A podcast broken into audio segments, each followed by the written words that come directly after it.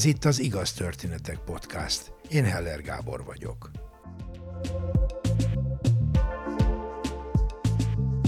Mindig hálával emlékszünk vissza arra a tanárra, mesterre vagy mentorra, aki bátorítással, tanácsokkal segített. Mert hit bennünk, gyakran jobban, mint mi saját magunkban. Különösen igaz ez azokra, akik művészek, tudósok vagy élsportolók akarnak lenni. A mai epizódban ketten mesélnek arról a tanáról, aki meghatározó volt pályájuk kezdetén. Kamarás Iván nem csak drámai színészként ismert és népszerű, de énekes, táncos előadóként is. Bár mindig szeretett énekelni, sőt saját zenekara is volt, a színművészeti főiskolán rá kellett jönnie, hogy van még mit tanulnia. 18 éves vagyok, főiskolás, és az éneklés engem mindig nagyon vonzott, zenéltem előtte, Maradék című zenekarom volt, gitároztam, frontember voltam, mindig kérték, hogy énekeljek is, mert hogy én csinálom a show de egyszer nem tudtam énekelni. Tehát amikor elkezdtem énekelni, azt mondták, hogy Iván, ezt most hagyd abba. Na most akkor ö, ö, sajnos ezen a főiskolán szerettem volna változtatni, és hőnszeretett énektanárom segítségével, Bagó Gizellával neki látta a feladatnak.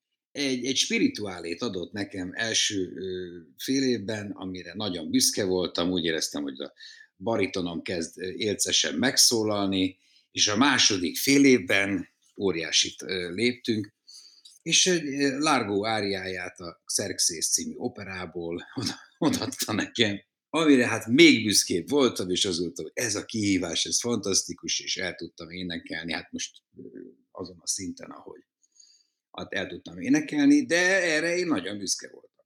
És gyakoroltuk, ugye minden héten volt énekórám, és a Gizi játszotta nekem a dallamot, és én meg nagy büszkén énekeltem, és hogy lemérjük a, a, az eddigi munkánk eredményét, megszervezett karácsonykor egy kis koncertet a Pasaréti templomban, ami nem csak jó magam, hanem a Gézi tanítványai, nem kisebb nevek, mint a Pápai Erika, Csengeri Attila, Barabás Kizoli és egyebek, Füranikó, nagy színészek álltak a csapatban mellettem, és ez egy ilyen hagyomány volt a Bagó Giziseknél, hogy mindig így ilyen egy-egy alkalomra összeálltunk, és elénekeltük a kis dalainkat. Talán egy, egy szombat délelőtt lehetett, és a, nem tudom, a karnagy nevét, most bocsánat, nagyon elnézést kérek, valamilyen András volt, aki segített nekünk, és ő volt a zongora kísérőnk.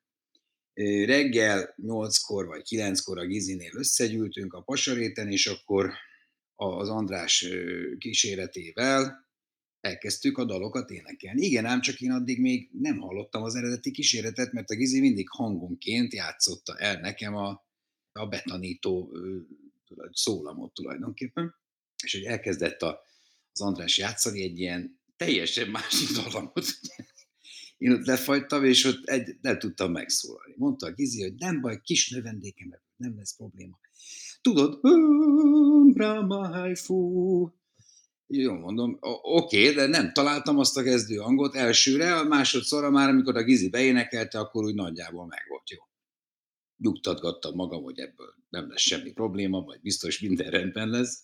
Egyszer tudtuk átfújni a dalt, és akkor átmentünk a templomba, ahol egyébként édesapám és a nagyanyám is ott volt többek között a közönség soraival. Nem voltak sokan, de ahhoz pont elegen, hogy számottevő druk és, és lámpaláz legyen úrrá az emberem. Pláne, hogy a, ugye a körülmények ismeretében, amikor odálltam, vettem egy mély levegőt, jó hideg volt, friss ugye, karácsonyi idő a templomban, és megszólalt ugyanaz a kíséret, amit az imént hallottam, ugye egy órával előtte, orgonán. Amitől még inkább egy ilyen egybefolyó klasszikus zene tengere jelent meg előttem, amiben gyakorlatilag megfulladni éreztem magam, hiszen megint nem találtam a hangot valami bizonytalan kísérletet tettem arra, hogy belépjek. Beléptem, de egy ilyen elhaló, hamiskásan elhaló tónussal gyakorlatilag alámerültem a zenetengerében, és teljesen megsemmisülve éreztem, hogy megnyílt alattam a föld. Apám és a nagyanyám ott ülnek, és akkor végigjátszott a periódust az András, és rám nézett, és azt mondta, hogy még egyszer neki megyünk. Akkor vettem egy még mélyebb levegőt, és akkor már pánikomban, vagy nem is tudom, hogy hogy mondjam ebből az iszonyú megszégyenülésben összeszedtem minden bátorságomat és erőmet, és, és kivágtam a Ramai Fu című dal első hangját, megtaláltam nagy nehezen, és bizonytalanul bár, de azért úgy elénekeltem. Na most ez az élmény, ez, ez olyan szinten meghatározta az én éneklési pályámat, vagy az énekesi hozzáállásomat az elkövetkezendő tíz évekre, hogy ugye a jó színész az úgy gondolja, hogy majd, majd megoldjuk valahogy, majd lesz valahogy, biztos, majd ott sikerülni fog, hát ez ugye általában úgy van, hogy ott úgysem sikerül, mert hogy majd a druk összerántja. Úgyhogy rendkívül sok alkalommal jött vissza ez a trauma, a félelem a, a, az, hogy, hogy hogyan fogom tudni megoldani. Iszonyú mennyiségű munka és beletett, belefetszött energia, gyakorlás szükségeltetik ahhoz, hogy megszerezze az ember azt a hangbiztonságot, ami nélkül kiállni, gyakorlatilag, hát kaptam belőle egy ízelítőt, hogy milyen is. Aki ezt így felfogja és tudja, hát ez egy, ez egy iszonyú szégyenérzet. Tehát ez gyakorlatilag a színész egyik rémálma, amikor ott áll, és nem jön ki hangatorkán, vagy mint egy rossz álom, amikor ott próbálsz szólni, de nem, nem hangatorkodon, vagy próbálsz egy teltházban, a szkálában énekelni, de hamis vagy. Szóval ezek, ezek a legborzasztóbb színészfélelmek. De arra nagyon jó volt az élmény. Hát most, ha már így megpróbálom a nosztalgikusan csak a szépre emlékezem címmel, meg elemezni és egy picit átgondolni, hogy rájöttem arra, hogy mennyi alázat, mennyi munka és mennyi felkészülés kell a, a, a zenés műfajhoz, az énekléshez, és gyakorlatilag Hát az operáról most nem is beszélve, mert odáig el sem megyek. A nehéz, könnyű műfajokat említem csak csupán, amiben nekem volt azért elsősorban részem, bár azért volt olyan feladatom, kerültem olyan, olyan feladat elé a Víg Színházban például a Figaro házassága című darabban, hogy ott is az operából kellett áriákat énekelnem, és azért jól jött az a fajta már éppen alakuló biztonság, és az a temérdek munka, amit beletettem, meg az a szorgalom, meg az a gyakorlás, meg az a mennyiségű beéneklés, amit egyébként a Gizivel csináltunk a előadások alatt, de hogy ne menjek tovább az első szerepem is, csak a prózához mennyire fontos volt az éneklés, hogy az Otello szerepemhez, ami az első nagy szakmai siker volt a Budapesti Kamaraszínházban, ott a Gizivel a, azon dolgoztunk, hogy egy oktával le tudjam vinni a hangomat mélyebbre, és végigbírjam az egész három órás Shakespeare-t beszélni, üvölteni helyenként, ezer ilyen hangon tulajdonképpen. Ez is egy iszonyú munka volt, és egy folyamatos, konzekvens munka, és azóta is csinálom, és azóta sem hagytam abba, és most már, most már egy egészen másik szintre keveredtem, de attól függetlenül sosem felejtem el, hogy honnan indultam. Van, akinek van egy, egy természetes adottsága, a, a, megvan neki a pozíció, van, akinek be kell állítani, sok munka kell, hogy meg tudja őrizni az ember, ugye, hogy meg tudjuk tartani a hangunkat, hogy ne menjen el a hangunk, hogy ha két előadásunk van, vagy három egy nap, azt is meg tudjuk oldani, sokszor még betegség mellett is meg tudjuk csinálni, ne vegyen észre belőle a közönség semmit, hogy folyamatosan ugyanazon a szinten tudjunk produkálni, és hogy az évek alatt ne kopjon a hang, hanem, hanem továbbra is úgy csengjen, hogy a technikával meg tudjuk őrizni azt. Szóval ezek, ezek a gondolatok járnak az eszemben, amikor, amikor ez felmerül ez a kérdés. Egyébként, hogy ez a történet, egyébként fel van véve videóra is. ezt megörökítették videón is, és mind ahányszor én ezt megnéztem, volt olyan, hogy nem tudom, mert, mert osztály, az osztályunknak, a főiskolás osztályunknak csomó vizsgája volt rajta ezeken a videókazettákon, amiket én a Újvári Csabinak, az osztálytársamnak átadtam, hogy vegye föl, és ott volt a végén ez a videó is. Valahogy átmásolták rá, és én látom, ahogy a Barabás Kizori befordul, és ahogy a többiek így teljes, amikor, mikor azt érzed, hogy valaki melletted olyan helyzetbe kerül a színpadon, hogy te is elsüllyedsz a szégyenben. Vagy a szégyentől, tehát ez történt velem akkor ott, és mondom, egy katasztrofális érzés volt. És ebből talprán olyan volt, mint egy lóról leesni, és fölkelni újra, és föl, fölülni rá. És ahhoz képest, hogy most meg teljes estés szórakoztató koncerteket csinálok, két órákat éneklek, és egyik szám jön a másik után. Na hát szóval, hogy, hogy azért a munka meghozza az eredményét.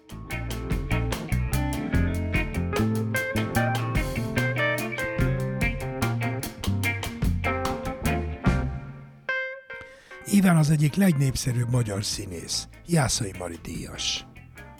Színházi szerepei mellett gyakran és nagy sikerrel énekel és táncol, színpadon és tévéműsorokban egyaránt. Önálló zenés estjével egy Festpesti este címen országszerte rendszeresen fellép.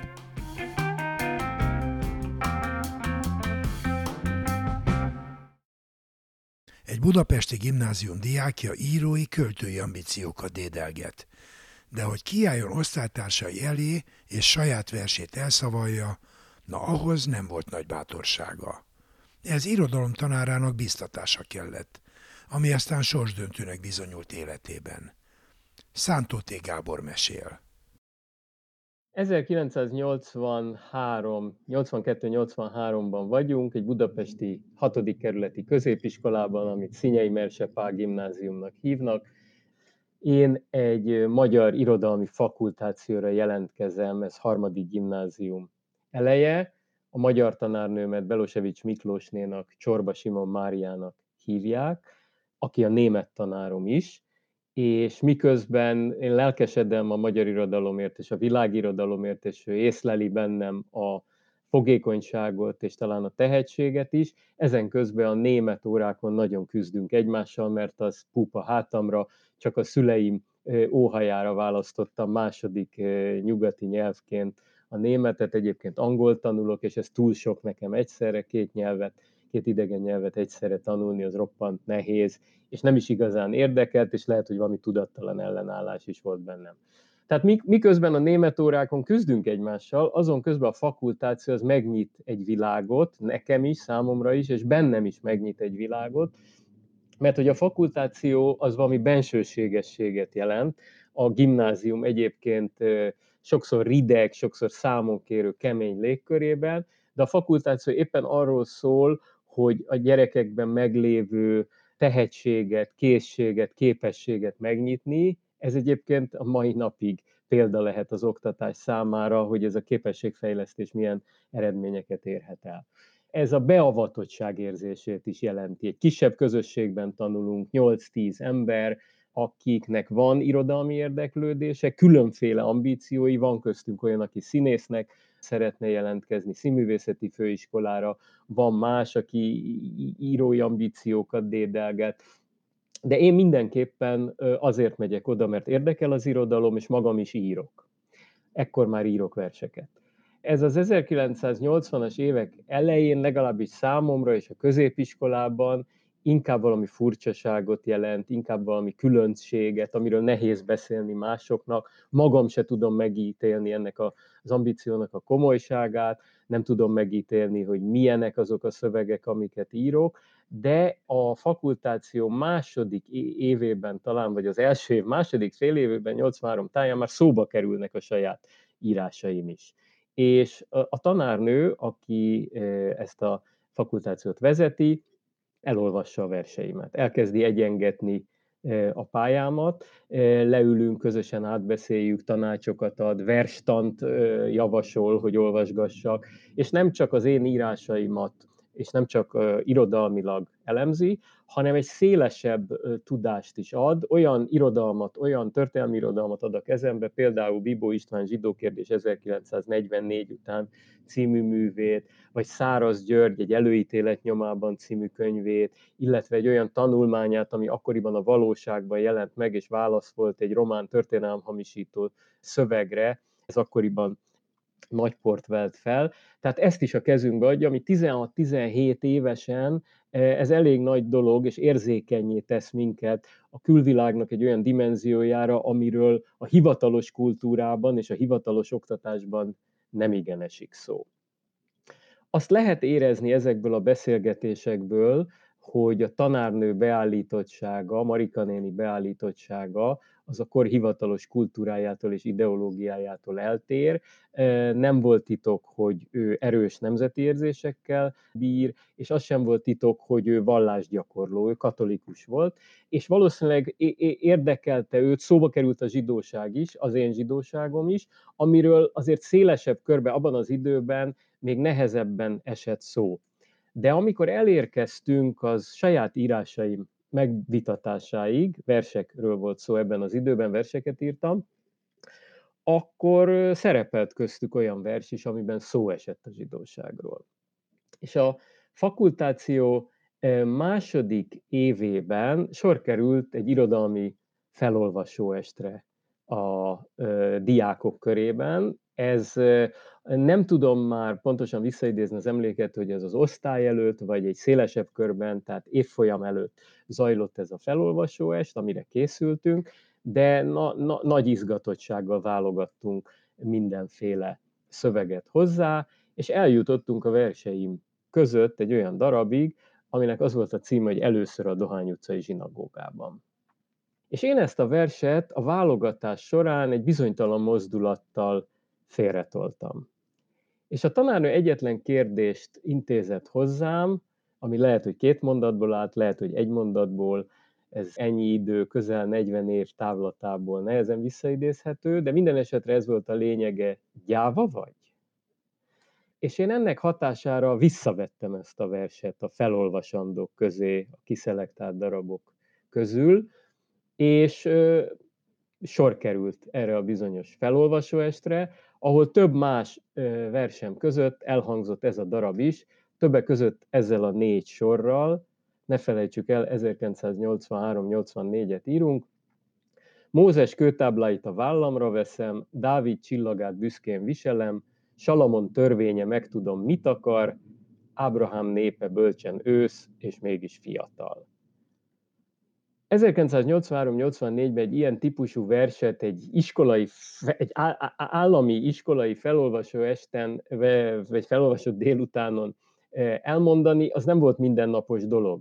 Az érezhető volt az én drukkomból is, az én készülődésemből is, hogy valahogy tudatában voltam ennek, hogy itt egy bizonyos határt átlépünk, nem csak a személyes és a nyilvános határát, tehát nem csak egy abban a korban bizalmas információt osztok meg a többiekkel és a nyilvánossággal, hanem a kor kultúrájához képest is, vagy hivatalos kultúrájához képest is valamiképpen átlépünk egy határt, és nagy meglepetésemre egy pozitív visszajelzést kaptam, a, az osztálytársak nagy lelkesedéssel fogadták a felolvasást, ezt a verset is, bátorságnak tartották talán, ami korábban úgy fél, félig meddig volt csak nyilvános, és néha élcek, néha antiszemita megjegyzések tárgya is volt egy-egy osztálytárs részéről, mert ez a kor szociológiai mintázatát leképezte ez az osztály. Voltak nagyon nyitott szellemiségűek, és voltak kevésbé nyitott szellemiségűek,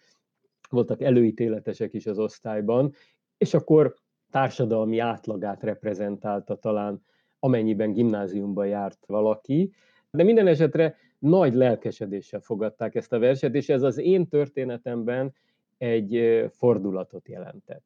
Később tudtam meg, amit akkor inkább csak utalásszerűen mesélt el a tanárnő, nyilván átlátva, vagy érzékelve, vagy beszélgetve az én családom traumatikus hátteréről, hogy a nagyszüleimet a szüleimmel együtt deportálták, sokan meghaltak a családból, ez nyilván valahogy szóba került közöttünk, és ő is bizalmasan megosztotta egy részét a saját család történetének, ami viszont csak később tudatosult bennem, akkor nem hagyott mély nyomokat, de év, másfél évtizeddel, két évtizeddel később, amikor olvastam róla az ő visszaemlékezéseiről, akkor tudatosodott, hogy az ő papája a második világháború során a ma- magyar hadsereg, második magyar hadsereg egy tisztjeként, pontosabban a, a, a hortiféle hadsereg vezérkari tisztjeként a visszavonulás során egy ponton úgy érezte, hogy nem érdemes tovább harcolni, és a csapataival, illetve a rábízott leventékkel ki akart ugrani, és vagy öngyilkos lett ebben a helyzetben, vagy pedig tisztázatlan körülmények között eh, lelőtték. Erre nem derült soha fény, de és a tanárnőm az édesapja halála után született csak meg. Tehát ő ezt az élményt hordozta, valamint a kitelepítés élményét, Kettőnk története ezáltal valamiképpen összekapcsolódott, mert megérezte bennem az ambíciót egy másfajta kulturális horizontra, megérezte bennem a törekvést egy szabadon vállalt olyan típusú identitásra, ami a diktatúra idején nem volt preferált identitás, egy vallási identitásra, vagy egy etnokulturális identitásra, és nagyon érdekes módon az ő konzervatív ma jobboldalinak mondanánk, akkor, akkor ez nem volt artikulálható, de az ő konzervatív, jobboldali, vallásos, nemzeti identitása segítette őt ahhoz, hogy egy fiatalemberbe, egy 17 éves fiatalemberbe segítse a saját zsidó identitásának felvállalását, ami az ő szemében egyrészt egy pedagógiai cél volt, egy személyiség kibontakoztatása, másrészt bizonyos rendszerkritikus, rendszerellenes attitűd is megnyilvánult benne, hogy segíteni ennek a fiúnak, hogy a rendszerrel szemben megfogalmazza magát. Azt hiszem, hogy ez az én pályámon egy sorsfordító esemény volt, vagy ha nem is sorsfordító esemény, mert ez az élményanyag valahol, valamikor kikívánkozott volna belőlem, de mindenképpen felgyorsított egy folyamatot, és megnyitott elő, előttem egy utat, hogy azokról az élményekről, amelyek az én családtörténetemből, hátteremből erednek, az én zsidó identitásom vagy holokauszt traumából összefüggő élményeim, azok megoszthatók másokkal, megoszthatók olyan személyekkel, olyan olvasókkal, olyan közönséggel, akik teljesen más háttérből jönnek, de minden esetre kommunikálhatóak ezek az élmények, és ez ebből a szempontból mindenképpen az én pályámra jelentős hatást gyakorol.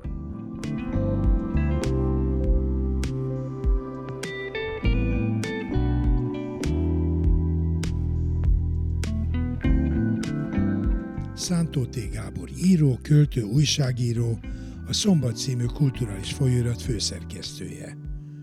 Hazatérés című elbeszéléséből Török Ferenc rendezett nagy sikerű, sok díjjal elismert játékfilmet 1945 címen.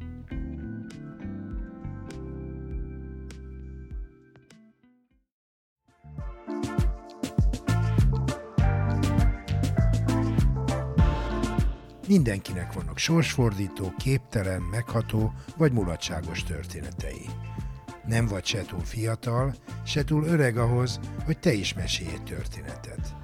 Írd le egy oldalon, vagy vedd fel a mobilodon két percben, és küld el az igaz történetek kukac podcaster.hu e-mail címre. Várjuk! Kövess bennünket a Facebookon. Igaz történetek egybeírva és ha tetszik, oszd meg barátaiddal. Biztos ők is szeretni fogják.